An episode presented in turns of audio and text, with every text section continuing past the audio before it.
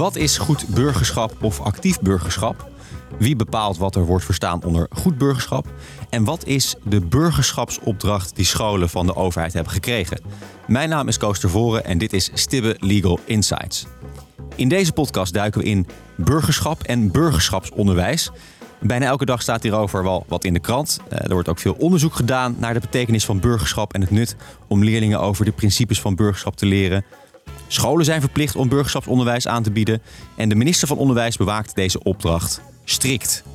Dus een belangrijk maatschappelijk onderwerp, maar waarbij ook bepaalde mensrechtelijke en staatkundige waarborgen niet uit het oog moeten worden verloren. Ik praat erover verder met Tamar de Waal. Zij doet onder andere onderzoek naar burgerschap en doseert aan de Universiteit van Amsterdam. En Machteld Klaasens, zij is advocaat bij Stibbe en gespecialiseerd in het bestuurs- en onderwijsrecht. Daarnaast schrijft zij een proefschrift over onderwijsrecht. Welkom allebei. Dankjewel. Leuk dat jullie er zijn. Uh, Machteld, om met jou te beginnen. Uh, waarom hebben we het in deze aflevering nou met elkaar over burgerschap? Ja, een mooie vraag om te beginnen. Um, nou, ik denk dat voor iedereen wel duidelijk is wat uh, de vakken taal en, en rekenen zijn en aardrijkskunde zijn op een school. Maar eigenlijk sinds een aantal jaren krijgen kinderen die naar school gaan ook burgerschapsonderwijs. En uh, je zei al, daarover staat eigenlijk wel elke dag iets in de krant. Maar er is nog veel onbekend, zowel bij de leerlingen en ouders, maar ook bij scholen, schoolbesturen. En ook de overheid is nog zoekende naar wat het nou precies zou moeten zijn. Maar ondertussen gebeurt het ook dat de minister al wel scholen erop aanspreekt dat het uh, niet helemaal goed gaat soms bij in de klas als het gaat om het geven van burgerschapsonderwijs. En daar kunnen ook sancties uit voortvloeien. En daarom leek het ons relevant om vandaag stil te staan bij dit, bij dit onderwerp. Om zowel wat uitleg te geven over wat burgerschap is, als ook de juridische aandachtspunten daarbij te benoemen. Ja, ja. even over dat woord uh, burgerschap waar we het nu de hele tijd over gaan hebben. Dus misschien wel goed om een soort van definitie daarvan te krijgen. Wat is het nou precies, Tamar? Ja, een precieze definitie geven is lastig. Uh, dat zal ook wel in de rest van de podcast blijken. Maar, uh, We gaan toch proberen. Toch proberen. Uh, grofweg gezegd, ja, we hebben natuurlijk meerdere betekenissen van het woord burgerschap. Dus aan de ene kant heb je juridisch burgerschap en dat is meer de vraag wie heeft welk paspoort. Daar hebben we het nu niet over. Dus wie is formeel Nederlander, wie is Belg, wie is misschien iets anders. Dat, nee. dat noemen we ook burgerschap, maar dat is niet het burgerschap dat we nu behandelen. We hebben het nu over burgerschap als een soort van bredere attitude. En, als je onderdeel bent van een bepaalde democratie, dan kun je een bepaalde betrokkenheid hebben bij die democratie. En dat wordt vaak burgerschap genoemd. En ja, wat dat precies inhoudt, ja, daar, zijn, daar zijn de meningen ontzettend over verdeeld. Uh, zowel politiek als in de, in de wetenschap. Maar ik denk dat je het aardig kunt vergelijken met een democratie is net als een schip. Dus een schip heeft een bepaalde uh, mast en een dek. Mm -hmm. En gewoon de, de formele instituties van de democratie zou je die kunnen noemen. Dus waar die uit is opgebouwd. Maar een schip vaart nooit zonder dat de bemanning geëquipeerd is in het besturen en het koers houden uh, bij het varen van het schip. Dus wat, het nou, wat is nou nodig om de democratie varende te houden aan de kant van burgers? Dat is de vraag van burgerschap. En ik denk dat daar sowieso, daar zijn de meeste mensen het wel over eens, een politieke dimensie in zit. Dus mensen moeten op de hoogte zijn van wat is de democratie, wat is de rechtsstaat, mm uh, wat zijn mensenrechten, wat zijn grondrechten, wat zijn mijn rechten, wat zijn ook mijn plichten ten opzichte van andere mensen. Maar je hebt ook wel uh, auteurs en ook politici die het nog breder trekken. Dus die zeggen ja, ook bijvoorbeeld in hoe je met elkaar omgaat, uh, bepaalde omgangsvormen, of hoe je met het klimaat omgaat, of hoe je met de zorg omgaat. Dat valt ook allemaal direct of indirect onder wat het betekent om een democratie te delen. Ja.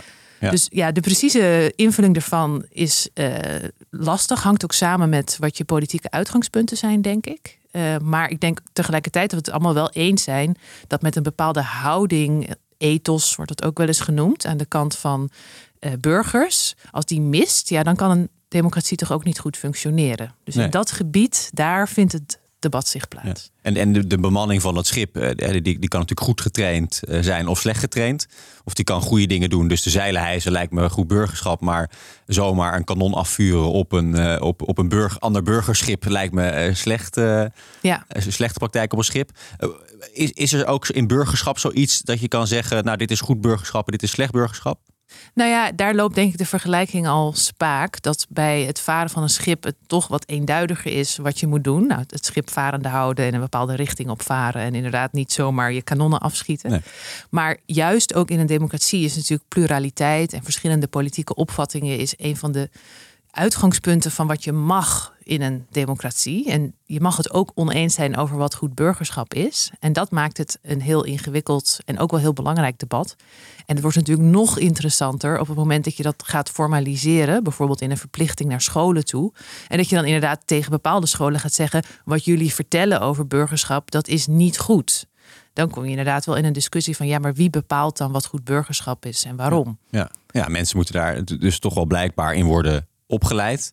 Uh, het moet in het onderwijs uh, worden gegeven. Uh, hoe ziet dat burgerschapsonderwijs er precies uit, Machtel? Wat is dat burgerschapsonderwijs in Nederland? Ja, dat is een hele goede vraag. En de wetgever heeft geprobeerd die vraag te beantwoorden. En je, je, met de uitleg van Tamar is al duidelijk dat het een hele brede betekenis heeft. En maar je ziet ook dat de wetgever wel geprobeerd heeft het te kanaliseren naar wat moet die leerling dan meekrijgen op school over burgerschapsonderwijs. Overigens zegt de wetgever ook direct het is niet alleen de taak van scholen. We leggen die daar nu wel formeel neer. Maar het is met name ook de taak van ouders, van degenen die gezag hebben over het kind. Maar ook de sportverenigingen. Nou, de hele, eigenlijk alle takken van sport binnen de, binnen de samenleving hebben daar een, een eigen rol in. Maar bij, inderdaad, bij scholen is die taak geformaliseerd. En de, de, de, de wetgever heeft die taak teruggebracht tot wat, wat wordt genoemd dat het een, uh, de gemene deler is van wat we allemaal wel vinden wat onder democratische rechtsstaat valt. En de, de basiswaarden van de samenleving. Het gaat om het aanleren van basisnormen en basiswaarden. En daar wordt dan ook iets meer uitleg aangegeven in de wet. Maar wat ook heel belangrijk is, is wat voor die scholen een, uh, het, het bewustzijn dat voor die scholen er wel een extra taak is bijgekomen. Want het is een heel ander soort onderwijs dan wanneer je het hebt over het aanleren van een taal of het leren van rekenen. Het heeft ook een heel andere doelstelling. De andere doelstelling van de andere vakken op school is het de leerling voorbereiden op het vervolgonderwijs, bijvoorbeeld de middelbare school of het hoger onderwijs of middelbaar beroepsonderwijs. En ook om te zorgen dat het kind een plek krijgt op de arbeidsmarkt later. Maar dit gaat natuurlijk veel, het is veel fundamenteler bijna. Want dit gaat over de plek die je gaat innemen in de samenleving later. En het is nou, met alle, alle, alle vertakkingen die daaraan zitten, ja, heeft, heeft, de, heeft de wetgever die dus geprobeerd te kanaliseren naar samenvattend de basiswaarden van de democratische samenleving. Ja. Zo'n heel vaag iets toch, uh, burgerschapsonderwijs. Het is, uh, rekenen is 1 plus 1 is 2, dat moet je leren. Maar uh, leer maar eens de, de rechtsstaat waarderen. Of waarom de democratie zo belangrijk is. Het is toch allemaal wat abstracter. Ja, het gaat ook, en het gaat zowel over kennis. Hetzelfde als 1 plus 1 is 2. Zo kun je ook leren in de grondwet staat dat iedereen gelijk behandeld moet worden. Maar het gaat ook om ehm, iets wat in je vezel zit, in je DNA moet zitten. Iets wat je moet aanleren aan, aan hoe je je opstelt, aan je houding. En dat is natuurlijk wel een ander soort onderwijsproces dan het aanleren van kennis. Ja, dus iets specifieker staat in die burgerschapsopdracht, die nu dus vernieuwd is uh, sinds augustus vorig jaar, dat de democratische rechtsstaat het kader is. En tegelijkertijd wordt ook expliciet genoemd dat uh, de universeel geldende mensenrechten centraal moeten staan. Ook wel interessante formulering. Dus er staat dat die universeel geldend zijn. Dus niet als ideaal, maar als feit wordt dat ja, gepresenteerd. Ja. En daarnaast gaat het inderdaad om bepaalde uh, democratische vaardigheden en competenties. Dus die laatste zit ook echt op ja, dat je bepaalde vaardigheden hebt om je in een democratie ja, te participeren of uh, je, je mening naar buiten te brengen. Of, ja, ik denk dus echt in, de, in het gedrag wordt dat, wordt dat laatste gezocht. Ja, begrip tonen, hè? debatteren, luisteren, maar ook je mening kunnen geven. Ja. Maar ga er maar aan staan als school. Dat je, dat je dus die, die mensenrechten moet je op de juiste manier interpreteren. Je moet de juiste methodiek vinden om het aan kinderen over te brengen.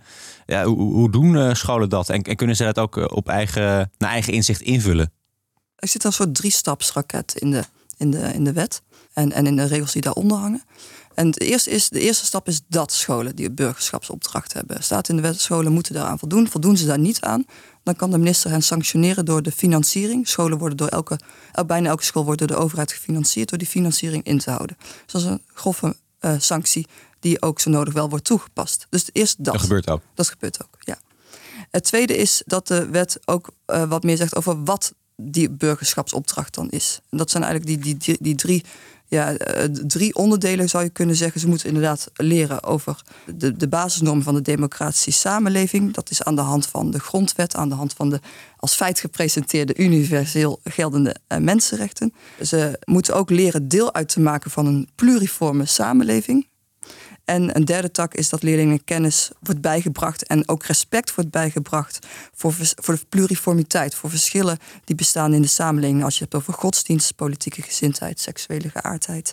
En dan die vrijheid. Ja, scholen hebben ook zeker uh, vrijheid in hoe zij dat onderwijs geven. En dat zit erin dat de wet bijvoorbeeld niet voorschrijft hoeveel tijd ze aan dit soort onderwijs moeten besteden. De wet schrijft ook niet voor welke methodiek ze gebruiken, welke lesboeken worden gebruikt. Of worden er geen lesboeken gebruikt, maar wordt het op een andere manier onderwezen. Ja. Er wordt ook niet gezegd, het moet in één vak. Het mag door alle vakken heen worden onderwezen. Wat wel is, scholen moeten wel kunnen laten zien dat ze bepaalde doelstellingen hebben. Die mogen ze op zich ook zelf formuleren binnen de wettekst. En dat leerlingen naar die doelstellingen worden onderwezen. Dat leerlingen ook daadwerkelijk die doelstellingen, dat alles eraan wordt gedaan dat de leerling die doelstelling bereikt. Dus de school heeft een grote inspanningsverplichting. Ja, maar hoe, dat uh, staat niet uh, per se voorgeschreven. Nee, dat, uh, dat hoe doen ze het dan wel? Daar, daar hebben scholen hun eigen vrijheid in. En dan, daar speelt ook mee dat sommige scholen, dat heten dan bijzondere scholen, hun onderwijs aanbieden vanuit hun eigen eh, levensovertuiging of vanuit hun eigen religie. Overigens, wat zij daarin verkondigen mag niet in strijd zijn met wat als wordt gezien als de basiswaarde van de, van de democratische samenleving, wat soms ook al spanning oplevert. Ja. Maar goed, even, even dat, een, bijvoorbeeld, bijvoorbeeld een, een pluriforme samenleving, hoe eh, onderwijs je ja, dat? Nou ja, stel je hebt een school uh, waar de kinderen vrij monogame afkomst hebben. Dan kan het best zijn dat die school zegt, nou, wij gaan samenwerken met een andere school in een andere wijk waar kinderen met een andere afkomst zitten. En wij starten projecten op, zodat op die manier kinderen toch uh, meer in aanraking komen met de pluriformiteit van de samenleving. Maar het kan ook heel klassikaal. We gaan het vandaag hebben over de grondwet. Wat staat daarin? En we lopen de artikelen af. Nou, en eigenlijk dat hele spectrum daartussen, alles is denkbaar. Ja. Ja, ik denk ook wel dat je ziet dat in Nederland scholen wel worstelen met hoe ze dit precies moeten invullen. Burgerschapsonderwijs in enige vorm is al sinds 2006 verplicht in Nederland. Maar hiervoor was het ook wettelijk nog onduidelijker wat dat precies moest inhouden. En er zijn ook een aantal onderzoeken geweest, een aantal jaren geleden, vanuit verschillende vergelijkende onderzoeken tussen landen en uh, basiskennis over de democratische rechtsstaat. En daar scoorde Nederland en Nederlandse jongeren niet per se goed. Dus ook met landen met wie we ons graag vergelijken, dus bijvoorbeeld Denemarken of uh, België en dan vooral Vlaanderen, zag je dat de kennis en ook competenties op het gebied van democratie onder Nederlandse jongeren en, uh, volwassenen ook niet per se heel hoog of eh, goed waren in mhm. vergelijking met die andere landen. Dus dat was ook denk ik wel een alarmbel dat er wat meer specifieke aandacht naartoe moest. Ja, hoe wordt dat gemeten dan? Wat, uh, wat konden we dan minder goed? Nou, de kennis, gewoon de basale kennis over hoe het systeem werkt, hoe, wat grondrechten precies, precies zijn, wat de verhouding is tussen de rechter en de wetgever, uh, dat soort dingen. Ja, en ik begreep ook dat uh, leerlingen wat meer waarde hechten in vergelijking met leerlingen in andere landen aan de vrijheid van meningsuiting. En het recht van de ander, zeg maar, de vrijheid van de ander en hoe zich dat verhoudt, dat dat weer wat zwakker werd beoordeeld. Ja. Er was toen ook een onderzoek van de onderwijsinspectie. En die gaf ook aan dat scholen in Nederland niet goed wisten hoe ze burgerschapsonderwijs moesten geven. En dat ook het totaal niet duidelijk was dat de pogingen die dan werden gedaan, of die effectief waren of wat uh, leerlingen meenamen.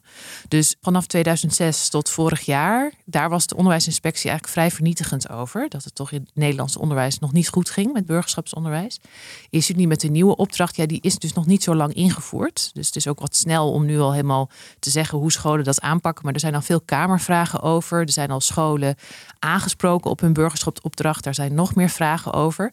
Dus mijn eerste indruk is dat scholen het nog steeds wel heel lastig vinden van wat moeten we nou precies doen, zelfs met dit kader. Maar toch even de tijdlijn nog eventjes af. Dus in 2006 is het dus uh, verplicht geworden om burgerschapsonderwijs te geven. Ja. Um, en wat was toen nou de directe aanleiding in 2006? Nou, er was niet echt een directe aanleiding. Ik denk wel dat we toen een, uh, een uh, misschien wel een halve eeuw van uh, migratie- en integratiedebatten hadden. Dus dat burgerschap al heel erg gelinkt werd aan inderdaad sociale cohesie en integratie.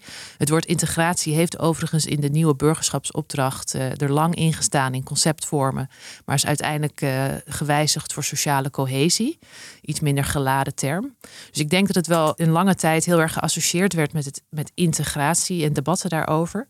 Maar ik denk dat inmiddels, ook denk ik eh, met het oog op andere ontwikkelingen in de wereld en bedreigingen voor de democratische rechtsstaat, dat dat wel veel breder wordt bedoeld. Dus dat het echt een, een, een onderwijsmodule is dat alle Nederlandse leerlingen moeten krijgen. En dat belangrijk is voor de democratie in het algemeen. Dat is dus eh, sinds 2006, maar je zegt eh, de wet is aangepast. Wat was daar dan voor de reden? Omdat het gewoon niet goed werd uitgevoerd? Nou, ik denk dat dat rapport van de onderwijsinspectie wel echt een aanleiding was. Waar dus uit bleek dat Nederlandse jongeren minder goed op de hoogte waren van de democratische rechtsstaat dan andere vergelijkbare landen. Ja, en ook nog een tweede aanleiding, weer de juridische tak, is dat ehm, de minister heeft na 2006 een aantal scholen aangesproken op dat het burgerschapsonderwijs niet voldoende werd onderricht op de scholen. En één school heeft daarover doorgeprocedeerd. Die zei, ja, ik, ik bied wel burgerschapsonderwijs aan. En, en dat is tot aan de hoogste rechter gekomen. En de hoogste rechter heeft, heeft, heeft daarvan geoordeeld... ja, die wet uit 2006, die legt eigenlijk maar een minimale verplichting bij die school neer. Dus eigenlijk, zodra je ook maar iets hebt gedaan aan burgerschapsonderwijs... voldoe je aan de norm. Eén uur per jaar. Bij wijze van spreken, eh, dan voldoe je aan de norm. En toen is dus een, een, een streep door die sanctie gaan, door die, door die financieringssanctie bij die school. Ja, en dat was ook echt, dat samen met, met dat rapport en met andere indicaties dat dat burgerschapsonderwijs nog niet de, doelen bereikte waarvoor het in 2006 was ingevoerd, is aanleiding geweest om eigenlijk ook wel in een, in een, in een rap tempo te komen tot een nieuwe wet. En die is in augustus 2021 in werking getreden. Ja. ja. Maar goed, zo'n minister heeft blijkbaar wat macht. Die kan zeggen, het burgerschapsonderwijs is daar niet uh, in orde. Uh, hoe komt een minister dan uiteindelijk tot zo'n conclusie?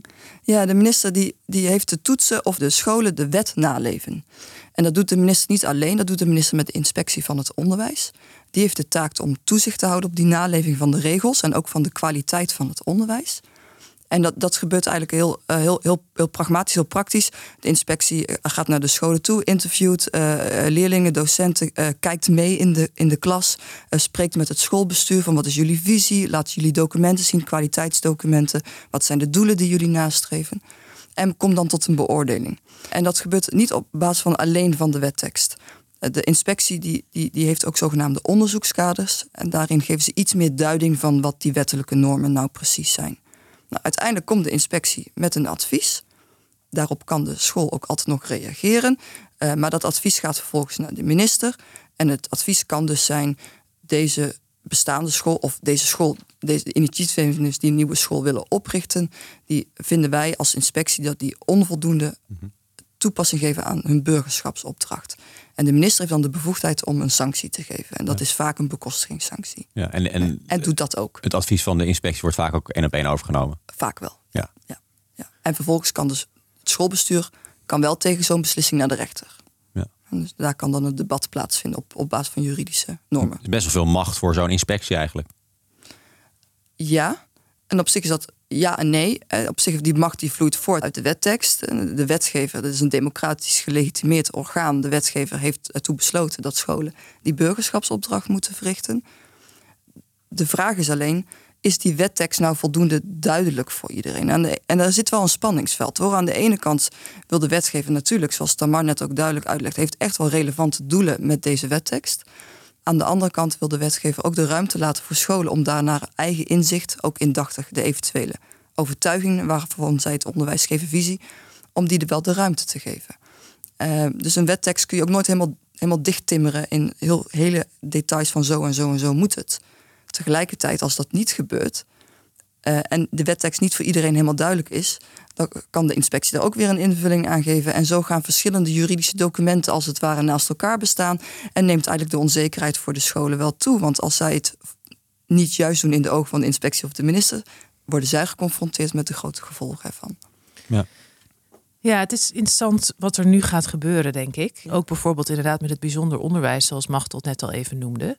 Dus uh, bijvoorbeeld als je op eh, religieuze gronden problemen hebt met homoseksualiteit, dan mag dat genoemd worden natuurlijk in het onderwijs als je een bijzondere school mhm. bent. Tegelijkertijd is het nu dus ook verplicht, expliciet verplicht, om wel te benadrukken dat diversiteit ook op het gebied van geaardheid en, uh, en andere ook genderdiscussies, dat daar wel respect voor moet worden opgebracht. Dus het is interessant ook om te zien wat de inspectie en de minister daarmee gaat doen. En ja, mijn voorspelling is, maar ik weet niet helemaal zeker of Machtel het daarmee eens is, dat ook in de nieuwe wet op het moment dat scholen een plan hebben. Dus ze hebben een document waarin ze aangeven hier en hier landt het burgerschapsonderwijs, misschien in al het onderwijs zelf. Dus dat is inderdaad ook een optie die mag. Of in aparte burgerschapslessen. Dat volgens mij het wettelijk kader niet zo heel snel handvatten biedt om scholen echt terug te fluiten. Dus ik denk dat het sinds de wet van 2006 er wel een verduidelijking is van die burgerschapsopdracht. Maar of het nou echt handvatten geeft om zodra een school er even in investeert om iets op papier te zetten, een plan te hebben, dat dan de inspectie of de minister echt kan zeggen, nou dit voldoet niet. Dat lijkt mij zo'n politieke ingreep dat ik me afvraag of dat heel snel gaat gebeuren. Ja, ik, kan, ik heb daar meteen twee gedachten bij. De eerste is, um, ik denk dat er wel iets meer moet zijn dan een plan. Sinds met die nieuwe wet. Het onderwijs moet echt doelgericht zijn. Het moet herkenbaar zijn. Dat betekent wel dat een, een, een school eh, doelen moet stellen. Kerndoelen, zoals dat heet dan in het funderend onderwijs. En, en dat je ook wel moet laten zien dat je inspant dat de leerlingen die doelen behalen. Dus wel iets meer op papier. En ook, ook wel, laat, ook wel een, een, een, het onderwijsproces meer inzichtelijk maken. Anderzijds, tweede gedachte, is dat het, uh, hoe dat onderwijs er dan precies moet uitzien, dat daar de minister lastiger op kan ingrijpen. Misschien nog steeds lastiger dan dat hij, denk ik, wenst. Als je ziet hoe het politieke debat nu gaat. En dat toch, ook als je de Kamervragen leest en Kamerstukken leest, een beetje politieke debat bijhoudt, er wel heel veel verwacht wordt van het burgerschapsonderwijs.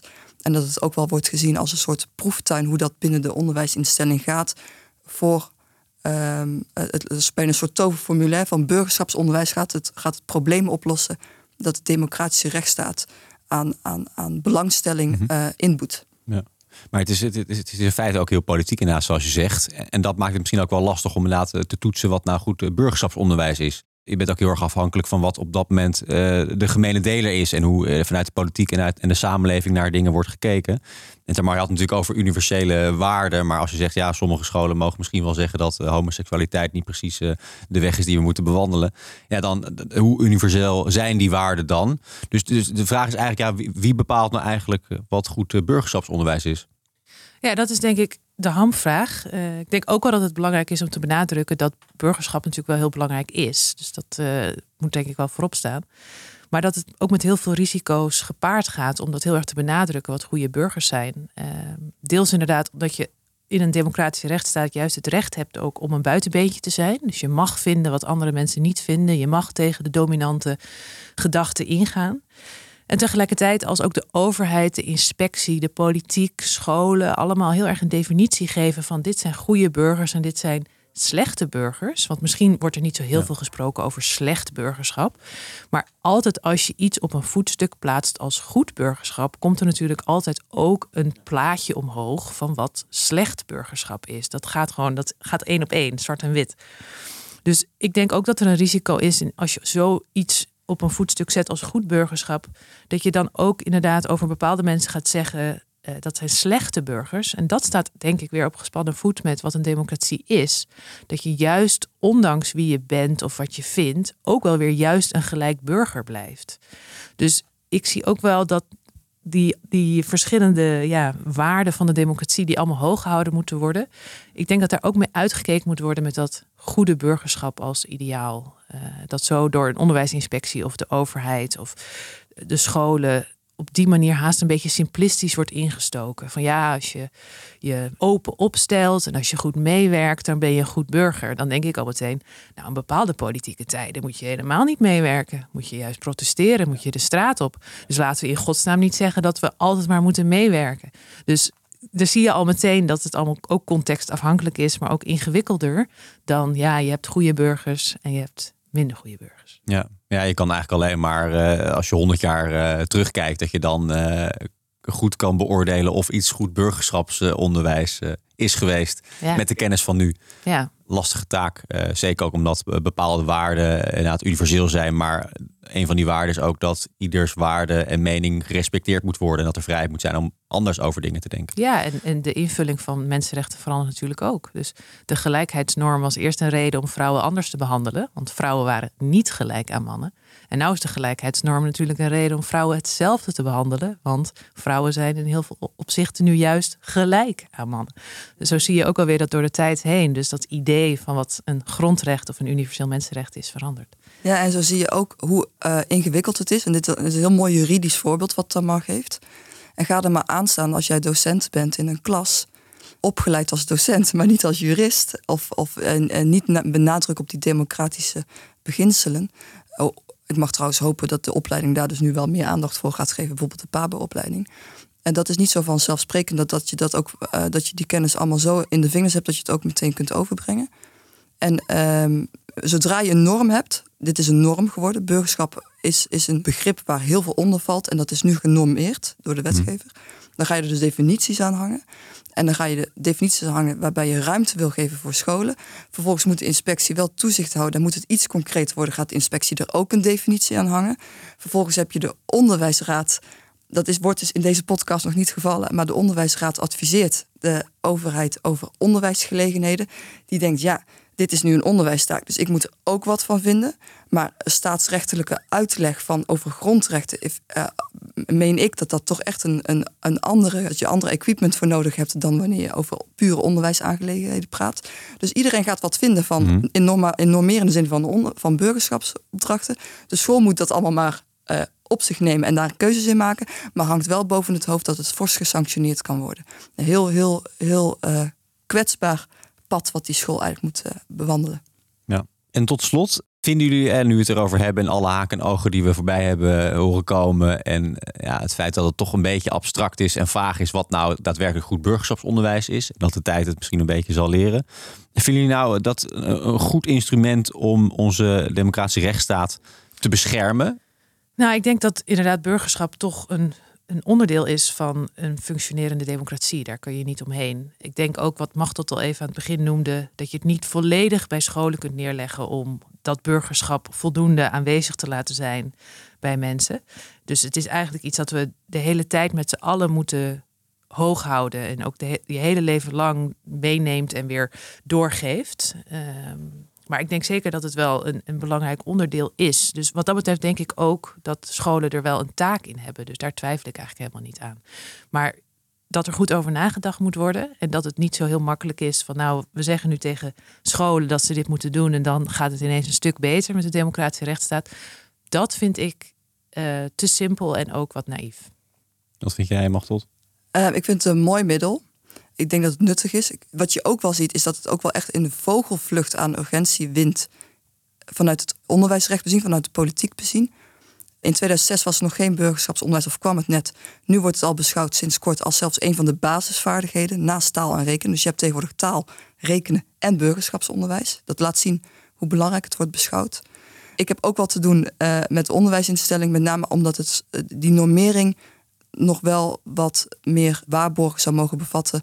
Om ook tussen scholen en overheden het debat gaande te houden over wat wordt gezien als burgerschapsonderwijs. Eigenlijk ook bij uitstek een vorm van burgerschapsvorming uh, om met elkaar in gesprek erover te blijven gaan. Dus pak niet te snel uh, de rode pen. Dat is, dat is mijn, mijn, mijn verzoek aan minister en inspectie. Duidelijk, het, is dus een, nuttig doel. En daar kunnen we het op zich wel over eens zijn. Um, zeker ook als burgerschap in het onderwijs wordt onderwezen uh, aan kinderen. Het is daarom ook al begrijpelijk dat uh, schoolbesturen van de wetgever de burgerschapsopdracht hebben gekregen. Kunnen we stellen. Toch nog wel een aantal kanttekeningen. er moet natuurlijk wel goed worden nagedacht over wie bepaalt wat dat burgerschapsonderwijs nou precies inhoudt. En wanneer dat goed wordt onderwezen. En moet ook goed voor ogen worden gehouden wat de tegenstelling goed-slecht burgerschap met individuen in de samenleving kan doen. Want als je zegt dit is goed burgerschap, zeg je automatisch ook dit is slecht burgerschap. Nou, dank Tamar en Machtot. Dit was Stibbe Legal Insights. Wil je nog meer weten over de juridische aspecten van het burgerschap in het onderwijs? Je vindt alle informatie op de website van Stibbe. En vind je deze podcast nou interessant? Druk dan via Spotify op de volgknop of laat een recensie achter via Apple Podcasts. Tot de volgende Stibbe Legal Insights.